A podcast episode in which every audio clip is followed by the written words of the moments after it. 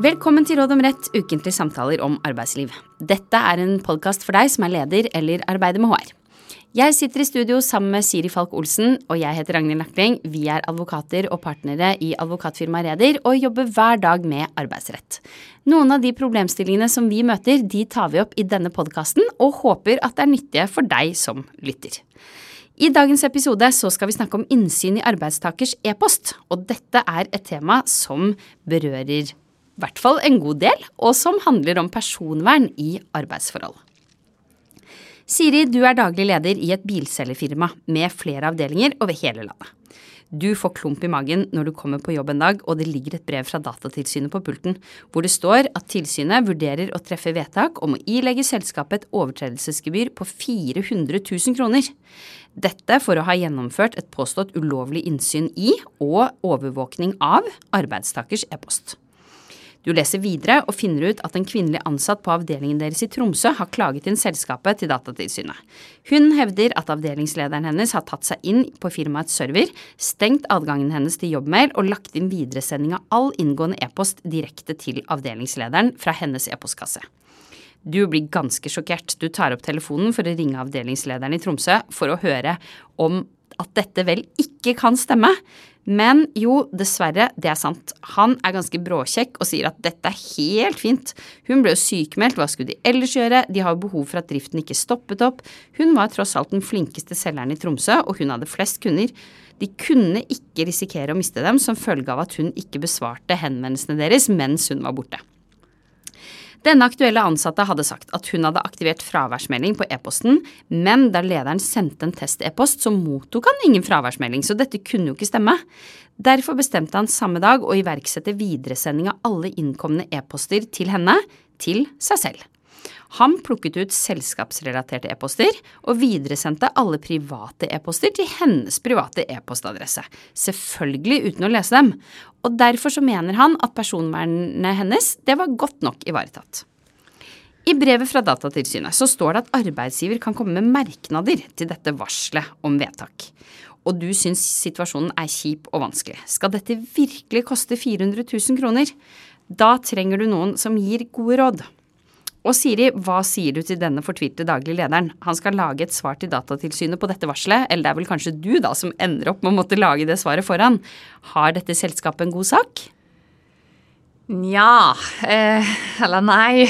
Jeg vil nok ikke si at de har en så veldig god sak. Og selv om 400 000 kroner høres mye ut, så er det faktisk sånn at brudd på personvernregelverket kan medføre svært høye eh, overtredelsesgebyr eh, fra Datatilsynet. Ja, det var jo mye av dette det var fokus på når GDPR ble innført i Norge i 2018. Det var mye mediesnakk, i hvert fall, om gigantbøtene som kan ilegges hvis man bryter regelverket så er det vel også vår erfaring at de fleste arbeidsgivere vet at det er jo ikke fritt fram når det gjelder å ta seg inn i e-posten til ansatte. Men samtidig så kommer vi jo ganske så ofte egentlig borti problemstillingen. Enten ved at man lurer på noe, eller lurer på hva som er vilkårene for å foreta innsyn, men også en gang iblant da, at det er noen som har gjort noe de ikke skulle, og kommer i etterkant. Ja, og som du er inne på der, vi skulle vel av og til ønske at hvert fall vi ble kontaktet eh, før man har gjort det som kalles innsyn. Fordi at det er absolutt ikke fritt fram eh, for en arbeidsgiver å gjøre innsyn i arbeidstakers e-post. Retten til privatliv gjelder også på jobb, og nesten alle bruker jo jobbmail til både jobb og private gjøremål så kan man si at det er uheldig, og det bør man forsøke å unngå. Men jeg tror jo at de aller fleste sender e-poster til eh, kjærester og venner og snakker med kollegaer om hva som skjedde på forrige fredagspils. Sånn at jeg tror for mange så ligger det ganske mye privat informasjon i jobbmailen. Og det vil jo føles som et inngrep i privatlivet hvis arbeidsgiver skal kunne ta seg inn og lese eh, hva, som, hva, som, står der i din private e-postkasse. Hmm. Jeg holdt også på å si sånn snakk for deg sjæl, fordi hvis du da som oss har jobbet mye med dette, så blir man i hvert fall mer restriktiv da på hvor mye privat som ligger der. Men det er jo da også sånn at en arbeidsgiver kanskje fort vil si at vel, vel, jeg hører liksom at eh, du gjør det, eller mange gjør det, og sikkert også meg selv. Men i prinsippet så er det jo sånn at en jobb-e-post skal brukes til jobb. Og i noen tilfeller så vil vel arbeidsgiver ha interesse eller behov da, for å kunne gjøre innsyn i arbeidstakers e-postkasse. Eh, enten fordi, sånn som denne personen som har blitt syk, eller at man mistenker noe illojal opptreden, konkurranse Ja. Eh, noe, noe ulovlige handlinger fra den ansatte. Når kan man da Når kan man gjøre det? Når er det lov? Ja, det er riktig at i noen tilfeller så er det lov. Eh, det er riktig.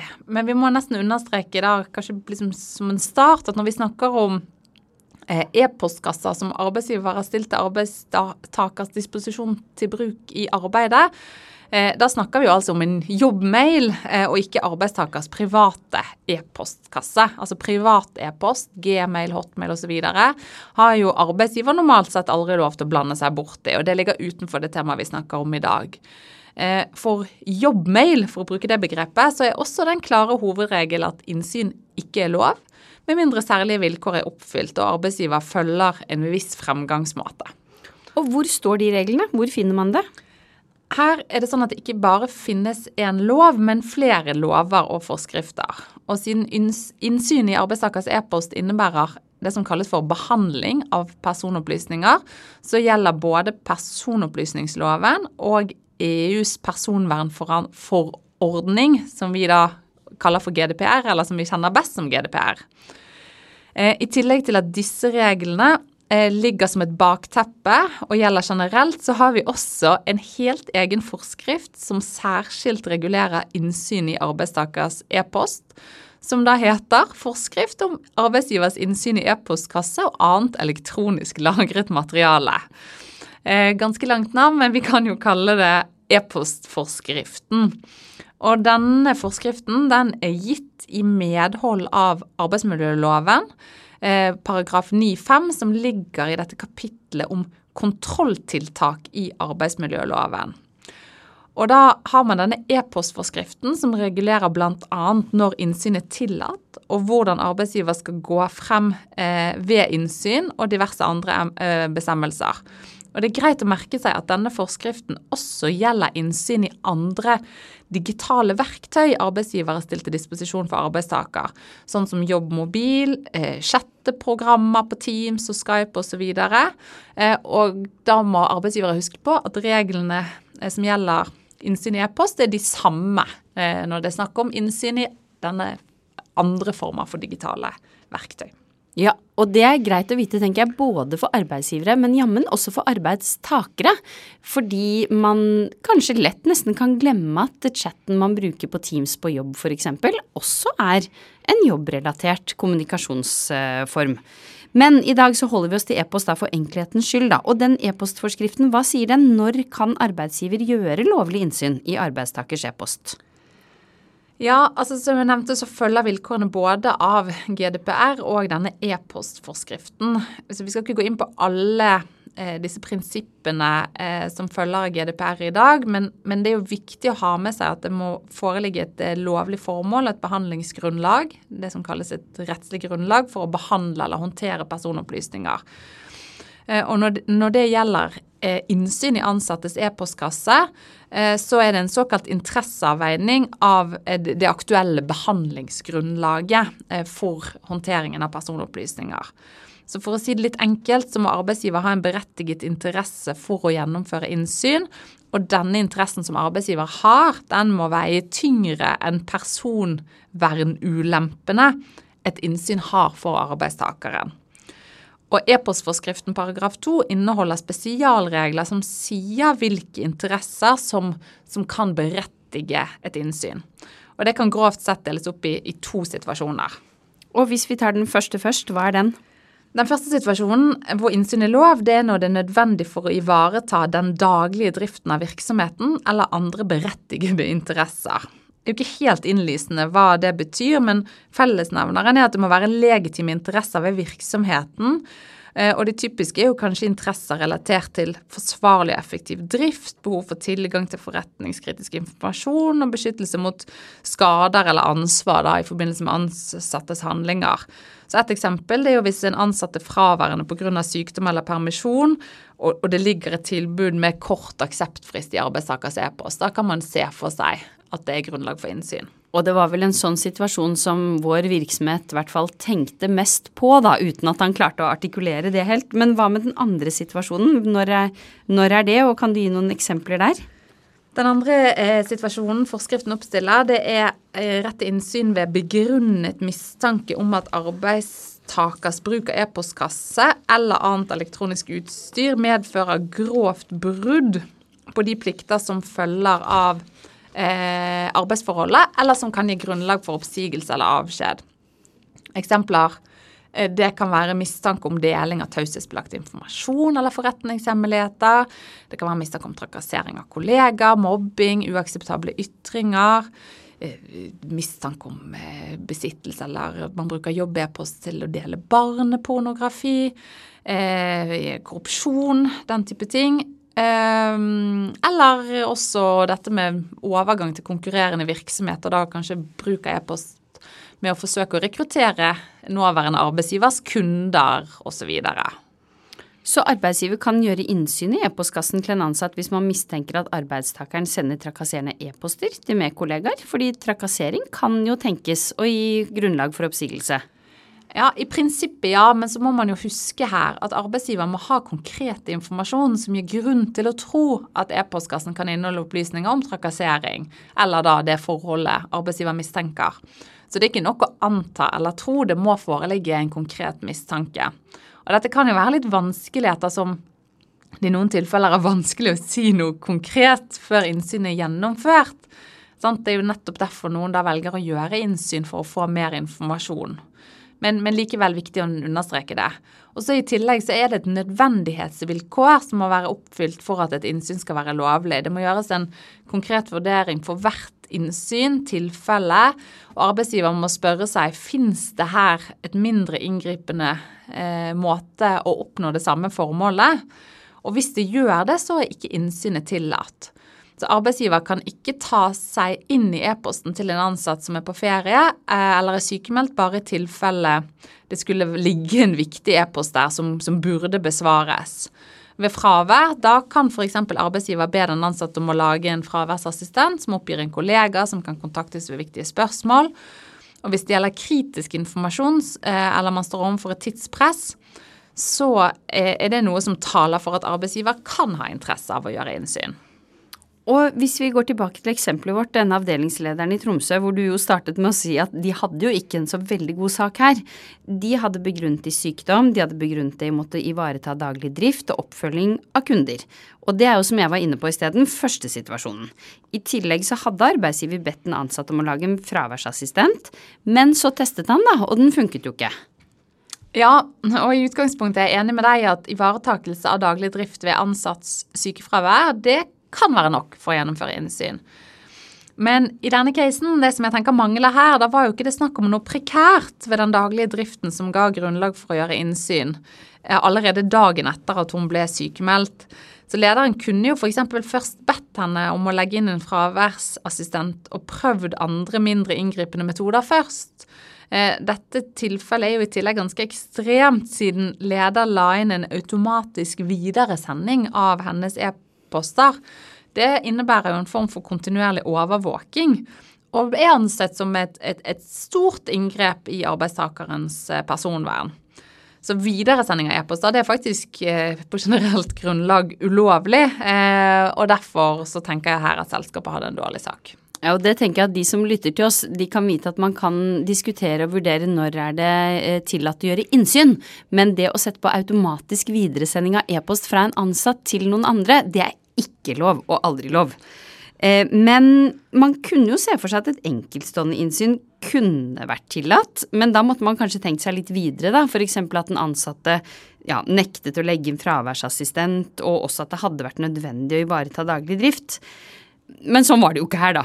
Så da er det egentlig at man bare må finne frem pengene, da, og betale 400 000, eller?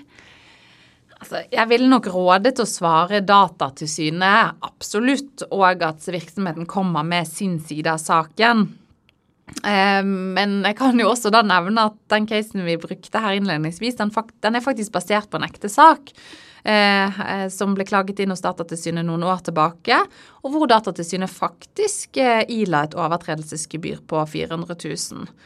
Eh, selskapet klagde saken inn til Personvernnemnda, eh, som uttalte at de var enig med Datatilsynet at et gebyr i størrelsesorden 400 000 kroner i alle fall ikke for strengt, men endte likevel opp med å nedjustere beløpet til 250 000 kroner fordi at nemnda hadde brukt eh, så lang tid på å behandle saken.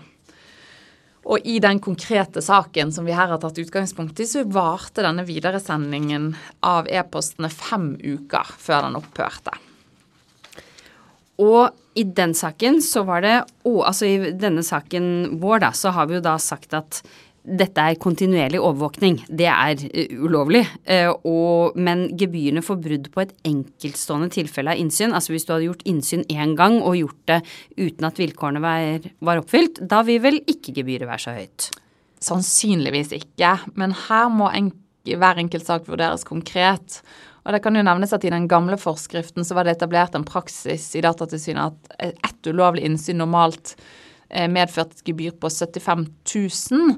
Eh, men det er ikke etablert en like klar praksis på dette etter innføringen av GDPR. Eh, som jo på generelt grunnlag har hevet på en måte gebyrnivået for brudd på personvernlovgivningen. Og så er det også greit å merke seg at eh, ved brudd på regelverket så kan også arbeidstaker kreve erstatning for økonomisk tap og oppreisning for krenkelse av ikke-økonomisk art. Og dette vil da være privatrettslige krav mellom arbeidstaker arbeidstaker og arbeidsgiver, som må vurderes uavhengig av et eventuelt gebyr fra Datatilsynet. Sånn at konsekvensene kan, kan bli store for virksomheter og arbeidsgivere som, som trår feil her. Absolutt. Og denne episoden har vi jo snakket da mest om ikke sant? når kan man gjøre innsyn? Hvordan man gjør innsyn, tenker jeg at vi kommer tilbake til i en annen episode, som er eh, i e-postforskriften paragraf 3. Men du kan jo, kan jo, veldig kort da, Siri, bare si litt eh, overskriftene der, holdt jeg på å si, hva man må huske på. Ja, helt overordnet så er det da en god del Hvis man har grunnlag for å gjennomføre innsyn, så er det en del regler som skal følges både under innsynet og før innsynet gjennomføres. Her har vi ikke tid til å gå gjennom alt, men finnes regler i denne e-postforskriften paragraf 3. Arbeidsgiver skal som hovedregel sende skriftlig varsel om innsyn til arbeidstaker med begrunnelse videre så skal arbeidstaker gis anledning til å uttale seg, muligheten til å være til stede, rett til å bli bistått av tillitsvalgt eller advokat. Eh, og her er det på en måte regler som handler om at det må legges til rette for så langt det lar seg gjøre, men jeg understreker at terskelen for unntak er høy.